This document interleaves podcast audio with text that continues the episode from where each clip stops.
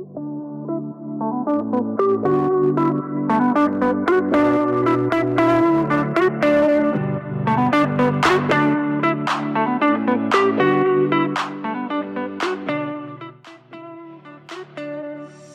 zijn letterlijk de hele dag aan het communiceren. En dat is gewoon een gegeven natuurlijk, hè, want dat is gewoon hoe het is.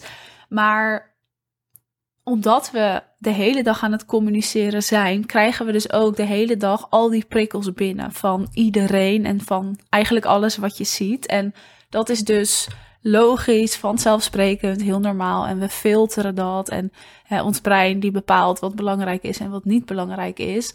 Maar jij bent ook aan het communiceren. En je bent online aan het communiceren door je social media kanalen, maar bijvoorbeeld ook door je website, de mails die jij verstuurt, eigenlijk alles wat je doet online. Dat is gewoon een vorm van communicatie. Dus ook als je een like aan iemand geeft of als je reageert op iemands story, dat mag je ook gaan zien hè, vanaf nu als een vorm van communicatie. En je bent natuurlijk offline aan het communiceren door gewoon te praten en te delen en te vertellen. Maar ook als jij lacht naar iemand, dan communiceer je al. Want dan, ja, je, je zegt niks, maar je toont iets. Hè? Dus je bent al aan het communiceren. En dat gaat eigenlijk heel vaak onbewust. Want als jij naar iemand glimlacht op straat, dan is het niet zo dat jij daar van tevoren heel erg over hebt nagedacht. En dacht: oké, ik ga straks naar die wel lachen en naar die niet lachen. Bij die kijk ik even weg. Die kijk ik even in de ogen aan. Dat gebeurt automatisch. En als zoiets automatisch gebeurt, ja, dan ben je het dus onbewust aan het doen. Dus het grootste deel van offline communicatie gaat onbewust. Hè? Ook praten, iets vragen in de winkel. Dat doen we gewoon omdat het nodig is. Maar online communicatie gaat veel bewuster. En dat is best wel een interessant gegeven, want omdat we over online communicatie gewoon veel beter kunnen nadenken, kun je er dus ook bewuster mee omgaan en kun je dat veel meer sturen naar hoe jij het wil eigenlijk. Dus als jij iets post, dan doe je dat bewust. Het is niet dat jij onbewust een tekst schrijft en dat jij onbewust die foto op Instagram gooit. Het is ook niet dat jij onbewust hè, een story bekijkt en daarop reageert. Met liken is het dan weer wel zo dat dat vaak heel erg onbewust gaat. Nou, ik zie wel eens mensen op straat scrollen en letterlijk elke foto liken. Nou, dat vind ik een beetje heftig, maar het gebeurt.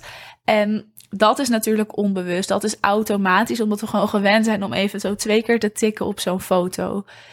Op LinkedIn is dat weer iets anders. Dat moet natuurlijk weer bewuster, want je moet echt naar die uh, like toe gaan om daarop te klikken. Dus in online communicatie is het een combinatie van bewust en onbewust. Maar dat neemt niet weg dat we het wel onbewust opnemen. Dus jij doet het misschien bewust, maar degene die het leest, die neemt het onbewust op. En er is dus eigenlijk weinig plek voor spontaniteit op bijvoorbeeld Instagram, omdat het gewoon niet mogelijk is, omdat je er veel te veel eigenlijk bewust over nadenkt. En om die reden mag jouw en moet jouw communicatie ook van hoog niveau zijn. Niet alleen omdat het dus zo bewust gaat en iedereen online over die communicatie nadenkt. Dus ze denken na voordat ze iets posten. Maar ook omdat er gewoon ontzettend veel ruis is. Dus je hebt geen keus.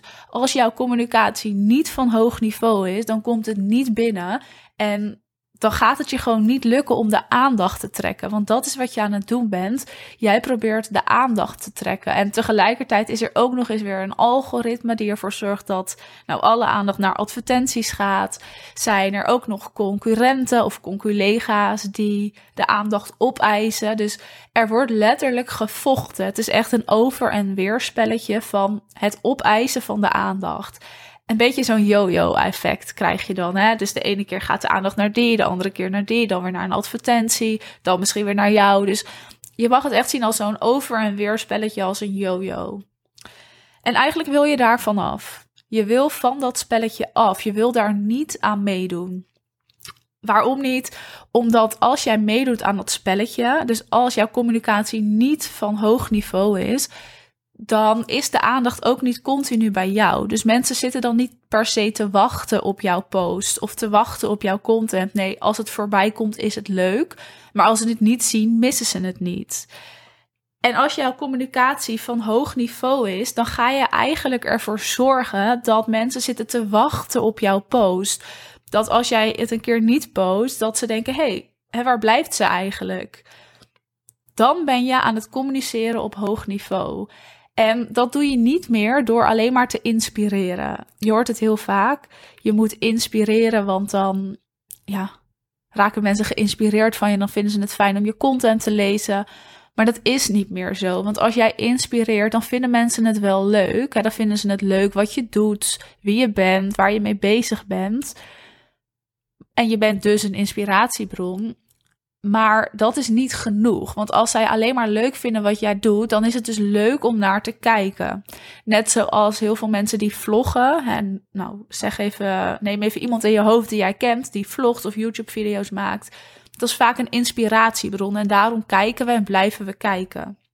Maar pas als iemand gaat fascineren, pas als iemand jou tot denken zet, dan pas wil jij van iemand iets leren. En dan pas wil jij weten, oké, hoe doe jij dit dan? En daar zit het hem dus in. Jij wil dat iemand wil weten hoe jij het doet. Hè, hoe het werkt. Want als ze willen weten hoe het werkt, dan willen ze dus leren.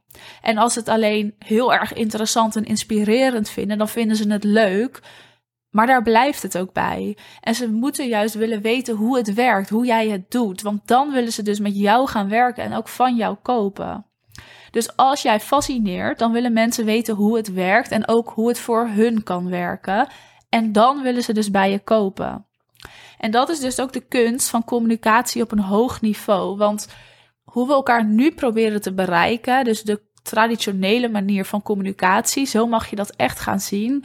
Dat is eigenlijk de manier waarop we elkaar proberen te overtuigen te inspireren, argumenten te geven. We vertellen wat we zien gebeuren in de markt. We vertellen over bezwaren en over verlangens. Maar dat mag je van mij echt allemaal door gaan strepen. Want het interesseert me niet wat er gebeurt in de markt. Dat maakt niet uit. Nee, het maakt uit of jij en ik een match zijn. En of jij iets kan en iets doet wat ik ook wil kunnen en wil doen. En als dat zo is, dan ben je aan het fascineren, dan ben je aan het communiceren op hoog niveau en dan wil iemand pas bij je kopen. Dus ik hoef geen argumenten te horen waarom ik bij jou zou moeten kopen. Ik hoef ook niet te horen welke bezwaren ik zou kunnen hebben en waarom dat misschien nergens op slaat. En al die posts over dit is wat er nu gebeurt in de markt, maar dat maakt ook niet uit, want je wil het over jezelf hebben. Dus je mag veel dichter naar jezelf toe gaan. En de traditionele manier van communicatie, dus hoe ik dat net uitlegde, dat is ook een manier waarop je je heel erg focust op het bewuste stuk. En je wil je juist gaan focussen op het onderbewuste stuk. Want in het onderbewuste stuk, daar komt alles binnen. En daar gaat het brein ook filteren. Oké, is dit relevant of niet? En zodra jij je dus op het onderbewuste stuk focust, en dat onderbewuste stuk is emotioneel en irrationeel, en die wil dus gefascineerd worden, zodat het opvalt tussen alle ruis, dan pas wordt het eigenlijk doorgelaten naar het bewuste brein en dan pas blijft het hangen. Als jij je focust meteen op dat bewuste stuk, dan sla je een stap over, waardoor dat onderbewuste stuk het niet gaat filteren en het komt dus wel binnen, maar het blijft niet hangen. En daar zit dus ook het verschil tussen communicatie op een hoog niveau of gewoon communiceren met klanten of potentiële klanten. Waar focus jij je op en waar ben je mee bezig? Je mag dus onderscheid gaan maken en je mag ook voor jezelf gaan opschrijven wanneer communiceer ik bewust en wanneer communiceer ik onbewust. En je wil dus onbewust gaan communiceren, althans, jij bent er bewust mee bezig, maar het moet bij jouw potentiële klant binnenkomen in het onderbewuste brein.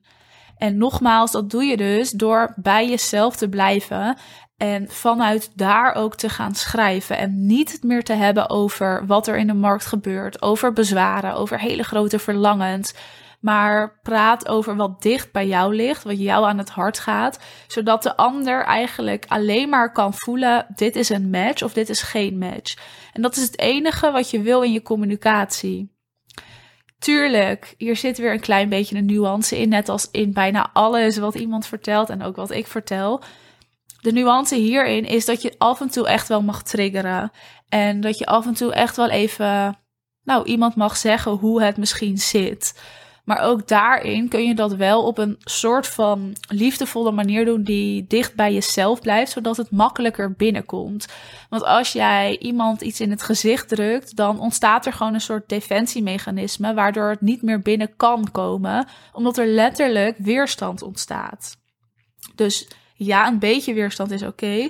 Maar te hard en te veel in één keer heeft geen zin, want dan staat iemand niet meer open voor jou. En ook niet meer open voor jouw adviezen, voor jouw informatie of voor jouw argumenten. Dus dat over communicatie op een hoog niveau. Echt van belang dat je dit gaat doen. Want als jij niet communiceert op een hoog niveau, dan lezen jouw klanten het misschien wel, maar het komt niet binnen. Dus ze snappen niet wat jij zegt. En ze gaan ook niet voelen en ook niet ervaren of jullie een match zijn, ja of nee. En dat is het interessante. Communicatie kan op zoveel manieren. En dit is ook waar misschien mijn fascinatie voor communicatie ligt. Hoe ga je dit zo inzetten dat het binnenkomt in de juiste plekken in het brein, zodat de ander iets gaat voelen, iets gaat ervaren en uiteindelijk ook echt een call bij jou inplant. En dit kan. Ik weet inmiddels hoe dit werkt en hoe dit moet. Mocht je hier meer over willen leren, dan ben je altijd welkom om een call bij mij in te plannen.